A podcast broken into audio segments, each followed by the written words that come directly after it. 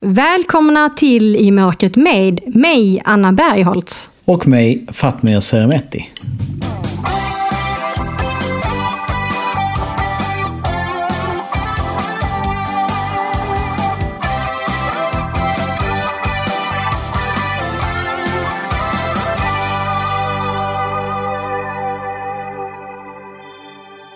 Ja, nu har jag fixat en kopp kaffe och vet du Fatma, jag går här och funderar på en sak. Vadå?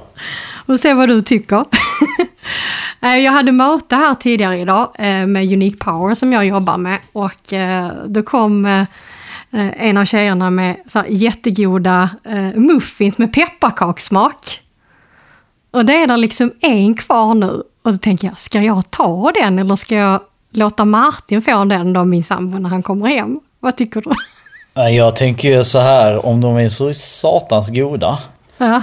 Så är det ju bara liksom jobbigt att det bara är en. Så det är väl lika bra att du tar den då.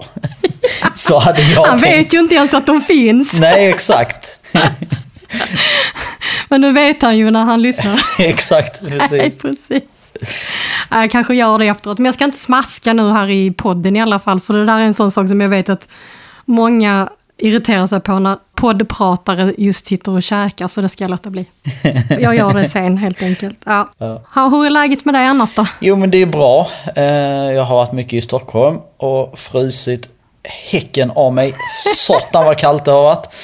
Eh, Så det är skönt att vara tillbaka nere i Skåneland där det är mycket varmare. Ja men det är så roligt. Det är så roligt för att jag har ju befunnit mig i Malmö då medan du har varit i Stockholm och du prickade in typ 20 minusgrader här uppe i Stockholm. Ja, häromdagen gick jag ut med Gibson i Stockholm alltså, på morgonen. Det var så här minus 16 och svinkallt. Och så kände jag så här, jag vill inte bo i Stockholm.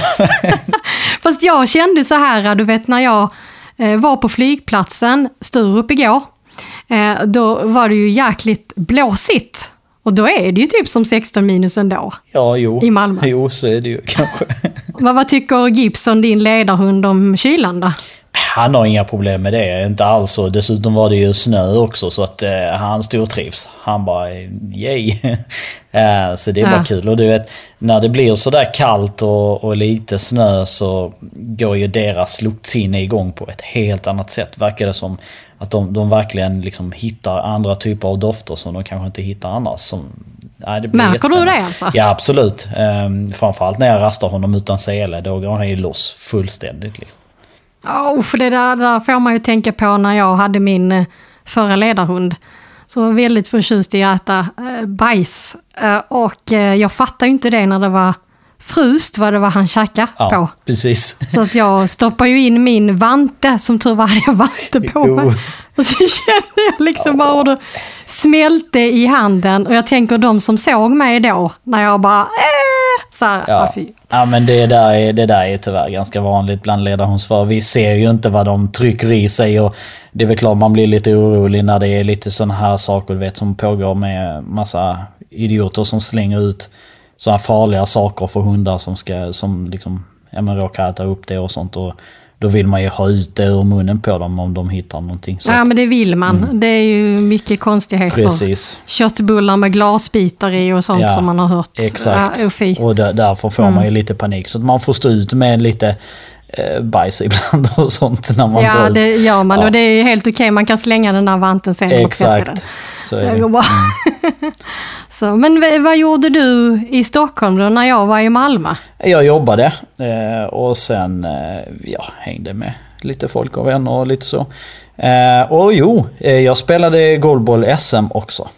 I helgen som gick. Så det har varit mycket goalball här på sistone. Men det var svenska mästerskapen där vi, där vi blev tvåa. Och får gratulera mina vänner i aktiva synskadade som blev svenska mästare. Men du sa att du skulle lägga av med goalball. Ja, i landslaget ja absolut. Men inte i klubblaget. Jag tycker fortfarande goalball är kul och så. Jag förstår. Ja.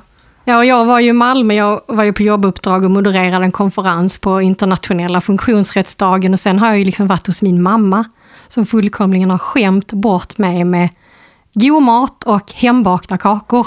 Visst är det skönt att kunna så här, hänga hos mamma ett, ett tag bara sådär liksom. Ja, verkligen ladda batterierna. Sen var det ju lite roligt när jag kom tillbaka till Stockholm då eh, med flyget. Eh, då landade vi på Bromma. Och jag brukar faktiskt välja att åka flyg, det måste jag förklara här nu i dessa miljötider. Eh, att jag har ju valt att åka flyg för att det har varit så mycket strul med tåget ibland och åka då med ledarhund. Jag tycker att det är lite stressigt.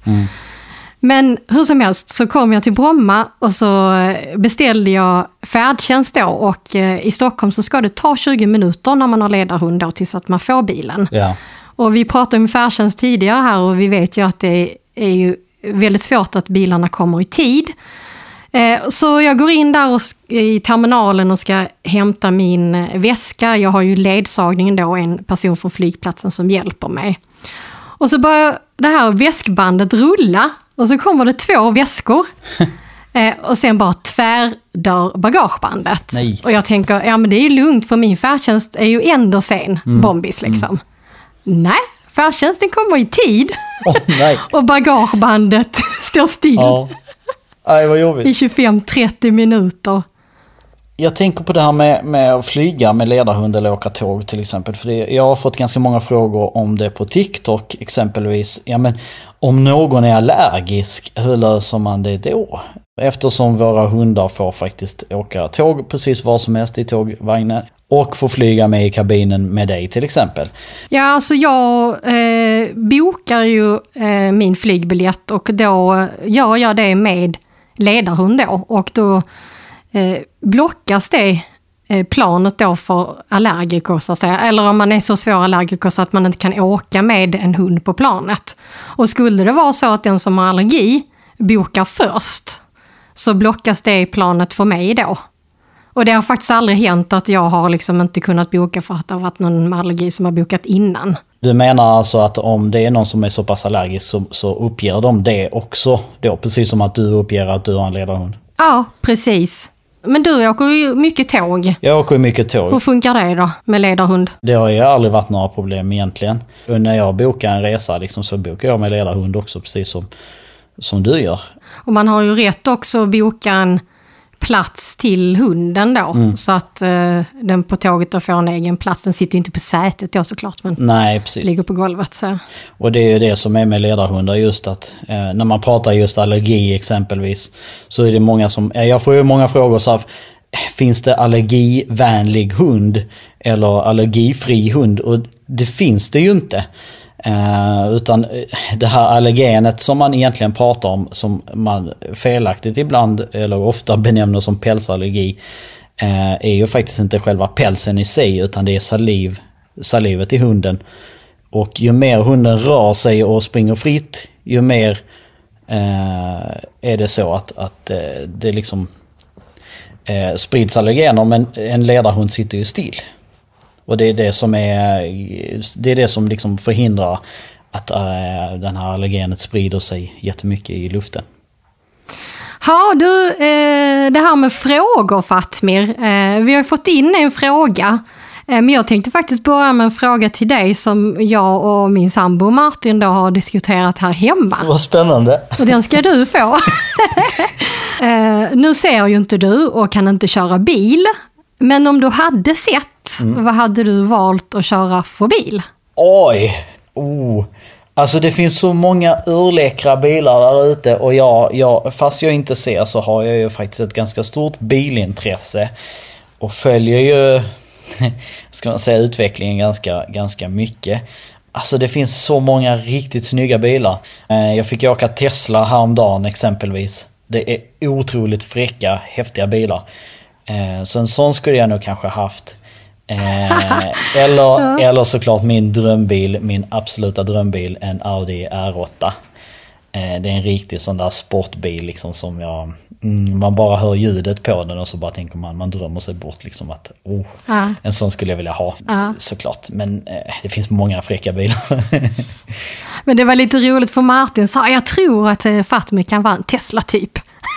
ja, det, det skulle jag faktiskt eh, kunna säga så här. Ja, men det, det, de är ju de är ju riktigt fräcka. De, Jag vet inte om du har sett eller känt på en sån eller suttit i en sån Nej, men, eh, faktiskt inte. Jag känner ju en som har en Tesla, men eh, det har jag inte.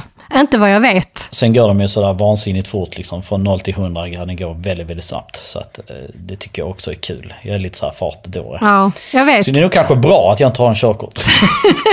Det kanske är det. Ja. Så. Men tror du att vi kommer kunna köra bilar då? Så här förarlösa bilar? Helt säker. I, i, alltså under vår livstid? Helt säker. Eh, det tror jag absolut. Alltså bilar eh, som kör som är förarlösa finns ju redan. Och det utvecklas hela tiden och i och med utrullningen av 5G-nät och, och hela den biten så, så blir det ju mer och mer liksom närmare en verklighet att bilar kan vara helt förarlösa. Man testar ju med förarlösa sådana här drönare som kör ut paket exempelvis i Tokyo har jag sett och i en del andra eh, städer. Så att det, det kommer absolut kunna gå det finns ju ett annat hinder också på vägen. Det är ju liksom den här lagstiftningen som jag har förstått det som.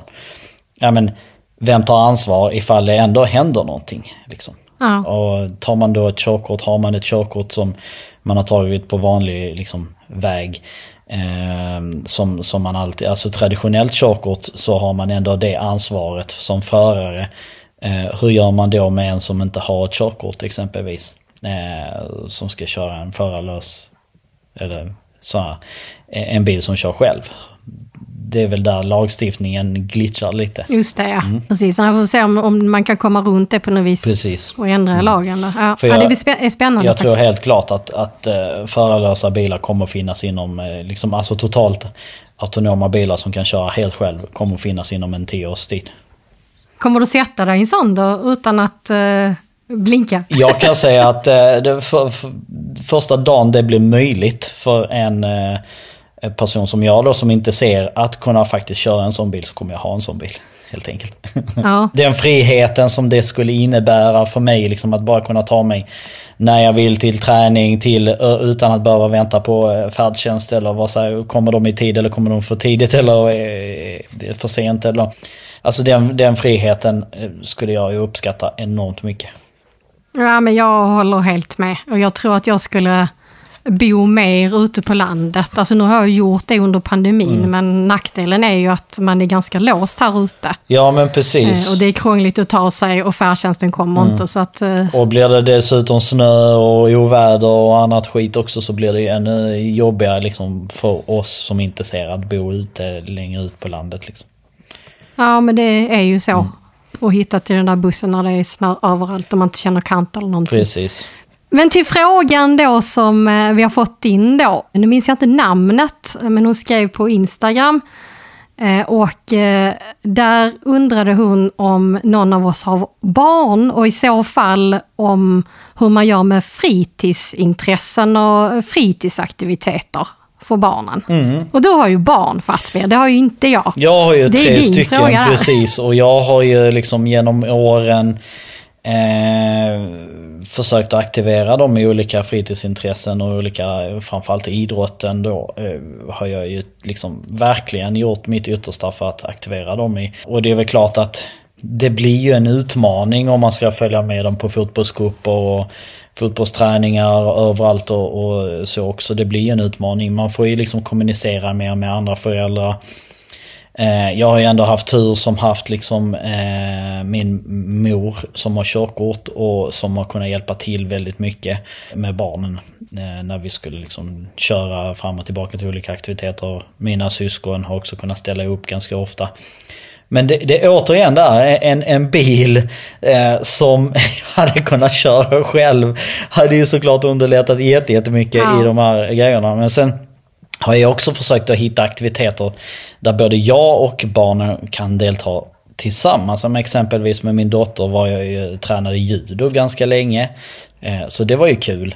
Eh, Fotbollsträningarna, jag menar, eh, ju äldre barnen blir ju mer kan de liksom fixa själva och sådär. Och det är klart att man vill följa med. Men i slutet av november, en novemberkväll, är inte kul att stå som förälder oavsett om man ser eller inte utomhus och det småregnar och kidsen springer ju runt där och är varma och goa och sådär och tycker inte alls det här är jobbigt medan som man som förälder står där och liksom bara skakar och då är det ju liksom jobbigt när, när man inte ser och kanske kan ställa sig i skydd någonstans av ett träd eller och, och liksom Ja, ja. i ett avbytarbås eller någonstans. Liksom man bara står där och så ungarna har ju liksom sprungit in på plan och sådär. Man vet själv inte var man ska ta vägen liksom. Och det, det gäller liksom att vara, alltid vara lite, ta för sig lite och kommunicera med andra och vara lite öppen och, och så. Eh, för det, det kan bli jättejobbigt annars. Liksom.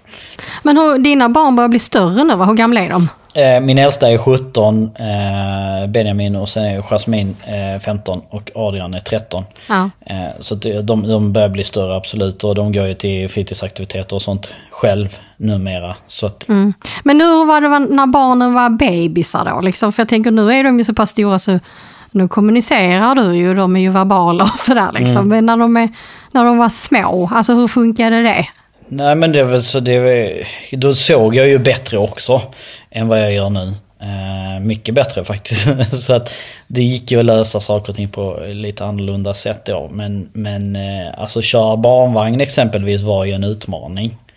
Helt klart, jag vände ju på barnvagnen och, och eh, hade den bakom mig och så gick jag med käppen framför. Exempelvis om jag skulle lämna och hämta på förskola. Eh, för det var säkrare.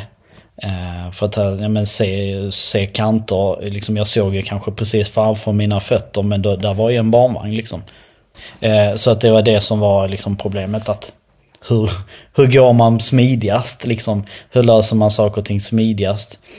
Eh, för att liksom lyckas ja, men göra saker och ting som alla andra fast på ett annorlunda sätt. Och man får hela tiden liksom hitta sätt, eh, lösa saker och ting på ett annat sätt. Men jag är helt övertygad om att föräldrar som, som inte ser eh, klarar av i stort sett det mesta.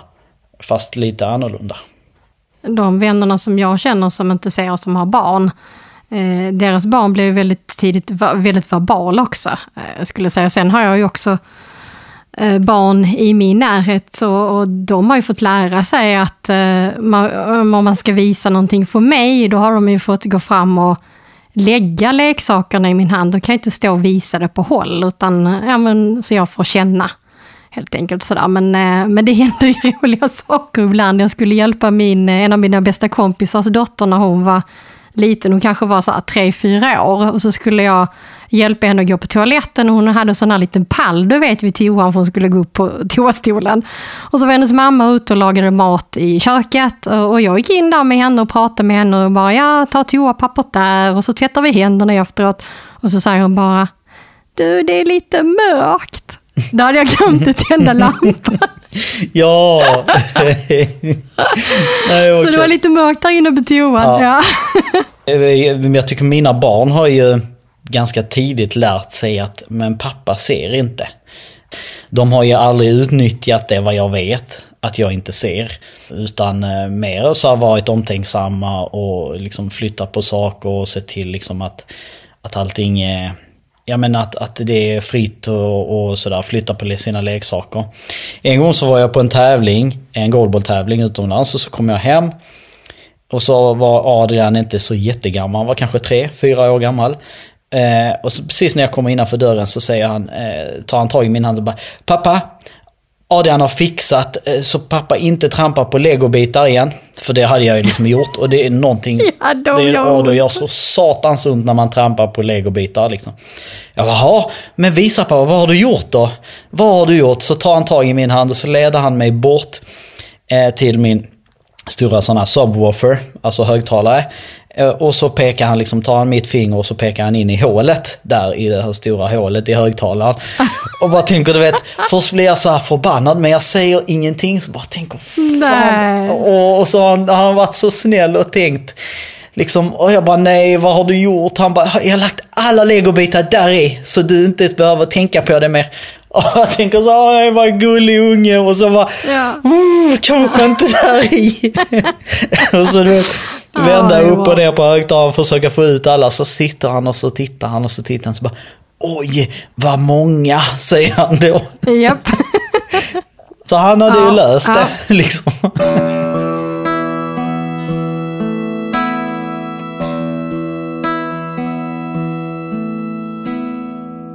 Stort tack till vår samarbetspartner Svensk skrivtolkning som gör det möjligt för fler att ta del av I mörkret med genom att texta våra avsnitt.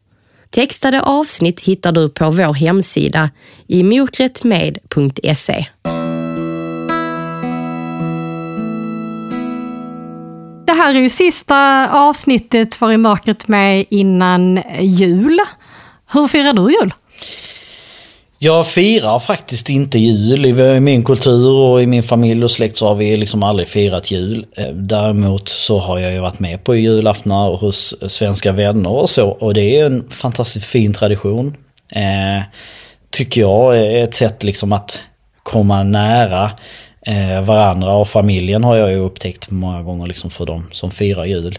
Däremot så har ju jag liksom upplevt ofta med, med vänner och sådär som är ensamma, att det är också en ganska ångestfylld ja. eh, tre, vad ska man säga, ja men tid på året. Både jul och nyår och de här liksom traditionerna där, där ensamheten kanske känns mest. Jag upplever det som ibland att det, det är alldeles för många som upplever julen som lite ångestladdad. Ja. Ja, men jag tror att eh, även om inte de är ensamma så tror jag att det kan vara ångestladdat på olika sätt. Eh, för att det är också många som man firar med familjen för att man alltid har gjort det. Mm. Eh, men det är ganska mycket konflikter i familjen, så då blir det ganska jobbig tid. Och det kan ju vara sådana här saker som att Eh, det är någon i familjen som dricker för mycket alkohol, så då sitter man och är orolig eh, för det på julafton, att det ska bli lite för mycket snaps och så. Mm. Så att det där är nog väldigt eh, olika. Så det är ju inte bara så här, nu är jag, så här, jag är en sån person som älskar julen, men jag är fullt medveten om att eh, jag har det väldigt tryggt och bra, jag har liksom en bra familj. Så vi brukar göra det till sån här lugn tid när vi bara träffas, umgås och myser, tittar på film och äter gott och så. Men så är det ju inte för alla. Och jag tänker att de jag vet i min närhet, eh, alltså både äldre som kanske sitter själva och speciellt nu i pandemitider när vi kanske inte kan träffas i år igen, eh, att ringa det där extra samtalet. Det är så lätt att bara lyfta på luren och bara kolla läget. Det ska vi alltid göra då och då, men eh, kanske extra nu, för nu är det mycket högtider och många tänker att man, att man är ensam. Jag tänker på det här med exempelvis pandemin som har faktiskt alltså väckt många människor i, i dessa funderingar liksom där man faktiskt inte ja, men, har kunnat träffa nära och kära och känt sig kanske lite utanför eller eh, känt sig lite ensam. Eh, och då tänker jag ju på de som eh, ja, men i alla år har haft det så. Ja. Ehm, har levt så, liksom år efter år och känt den här ångesten krypa på. Eh, där liksom, ja, men jobbet är stängt, man har inte arbetskamraterna på samma sätt, man har inte det där liksom gemenskapen. Och så ska man hem och, och man vet om att ja, men arbetskamrater eller andra eh, går nu hem och firar med sina familjer men själv kommer man sitta ensam. Eh, där, där, där, precis som du säger, finns ju så mycket att göra. Att bara ja, men, ringa det här samtalet ja. och lyfta luren. Eller kanske till och med tänka sig att, men vad spelar en till person för roll om vi liksom ändå ska vara en eh, 7, 8, 10 pers hemma.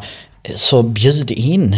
Bjud in varandra ja, till, eh, ja men tänk att man kanske liksom gör en hel jul för någon eller en hel liksom Eh, hela året kan få en helt annan betydelse för den här personen som jämt har behövt vara ensam. Och kanske också våga fråga två gånger för att man är ju så van vid att alltid vara själv och ensam och sådär och känna nej, ja men tack men nej tack. Men säg, är du säker? Mm. Du får jättegärna följa med och, och fira med oss mm. och hänga med oss. Och var lite så här, visa att man faktiskt bryr sig. Jag tror att just det där med medmänsklighet är ju verkligen någonting som, som eh, många människor vill lyfta fram under jul och, och, visa liksom att man bryr sig om varandra och andra människor. Och det är väl ett bra sätt att göra det på. Ja men det är det. Och verkligen också liksom det här som du lyfter med pandemin nu, att det kan man ju ta med sig att om man tycker själv att det har varit ensamt nu man har suttit hemma och jobbat och så. Så där är det liksom för många jämt. Så att mm. det är bra. att Ta det med sig och mm. lyfta luren eller bjuda in någon till eh, julfirandet, eller hur man nu firar. helt enkelt. Ja. Mm. Exakt. Men vad, vad gör du då nu, eftersom du då inte firar jul? Eh, hur ser de här juldagarna ut, julafton och, och Men så alltså för dig? egentligen så skiljer det sig inte så jättemycket. Jag vill ju gärna umgås med barnen och, och ja men de är lediga och jag är ledig och sådär liksom att man vill ju ändå liksom kunna ja, men ge varandra den tiden. Till och med dra ner på alla möjliga sociala medier och allting och bara så här få vara, landa och, och kramas om och umgås. Vi umgås med varandra helt enkelt och tar hand om varandra. Och sen är det ju faktiskt kul ändå att sitta och kolla på Kalle Anka och allt det här. Liksom man vet vad, precis vad som ska hända eh, klockan tre liksom och sådär. Så att det, det gör vi ju ändå på ett sätt. Men eh, kanske inte riktigt, det har ju inte samma betydelse kanske som för andra. Själv då, hur ser dina jultraditioner ut? Eller era?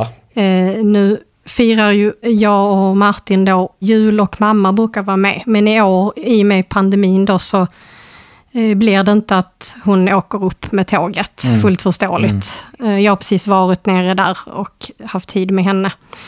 Eh, Så att det blir Martin och jag och hans familj bor ju i Kanada. Just så att eh, för vår del är det ju mycket där att man pratar med folk. Han har sin syster i Tyskland, han har släkten i Tjeckien. Ja. Och sen är vi på egen hand då. Ja, ja. Och eh, gör också de här vanliga grejerna. Äter gott och Kalle är väl på i bakgrunden men det är inte så nödvändigt längre. Nej. Så det är en tid för återhämtning och, och, och vara med nära och kära. Och sen så tror jag att vi kommer att träffa lite kompisar och spela sällskapsspel. Det tycker vi är kul. Mm, helt klart, just det där med sällskapsspel, det, det är också något som vi också faktiskt gör. Eh, eller försöker i alla fall. Sen tänker jag ju de här tiderna är också en utmärkt stund för reflektion. Ja, vad tänker du där då? Ja men av det gångna året och sådär. Man, får, man har ju, det är inte mycket som händer liksom. Du kan inte jobba. Det är knappt någon som jobbar förutom ja, men sjukvården och alla de här liksom vanliga samhällsbärande yrken. Men annars så, det är en tid där du faktiskt inte kan göra så mycket. Eh, och, och då blir det ju tid som du tvingas att reflektera över din vardag. Ja. Över din, ditt, det gångna året. Ja men vad har jag gjort? Vad har jag kvar att göra? Hur ser det ut liksom? Vad, vad har jag för mål för nästa år? Och mycket sånt gör jag också. Ja, men jättebra. Men då kan vi inte göra så, för det här är ju då eh, 2021 sista avsnitt. Eh, kan inte du på ditt håll och jag på mitt håll reflektera över det gångna året? Så när vi är tillbaks igen i januari så kan vi väl summera lite och hur vi tänker framåt. Jo men självklart. Det är ju alltid kul. Och så skicka med det till de som lyssnar med att eh, göra likadant. Och, eh, och även såklart igen om man har frågor till oss så kan man skicka in dem då till eh, hej imörkretmed.se och vi finns ju som vanligt på Instagram, LinkedIn och ja, övriga sociala medier. Och även om jag då inte firar jul så vill jag också passa på att önska alla våra lyssnare riktigt fin jul tillsammans med nära och kära och vänner och allt. Och även nyår såklart. Och hoppas på ett mycket bättre och friare 2022. Eh, och att den här förbaskade pandemin ger med sig snart. Tack för att du lyssnat och i Mörkret med gör ett kort juluppehåll nu och vi är tillbaks igen den 12 januari. Och då blir det läskigt i mörkret tillsammans med skräckförfattaren Mats Strandberg. Gillar du i mörkret med så den bästa julklappen du kan ge oss är att berätta för andra att vi finns. Och dela gärna länkar till våra avsnitt på sociala medier. Och betygsätt oss gärna i din podd podcast-app. I mörkret med har en Facebook-sida, följ oss gärna där och på Instagram hittar du oss under hashtag i mörkret med. Ljudtekniker som för alltid för I mörkret med är Jan Dahlqvist. Och tack Janne för att du finns. Utan dig inget I mörkret med. Med detta vill vi önska alla er en god jul, glada helger och ett gott nytt år.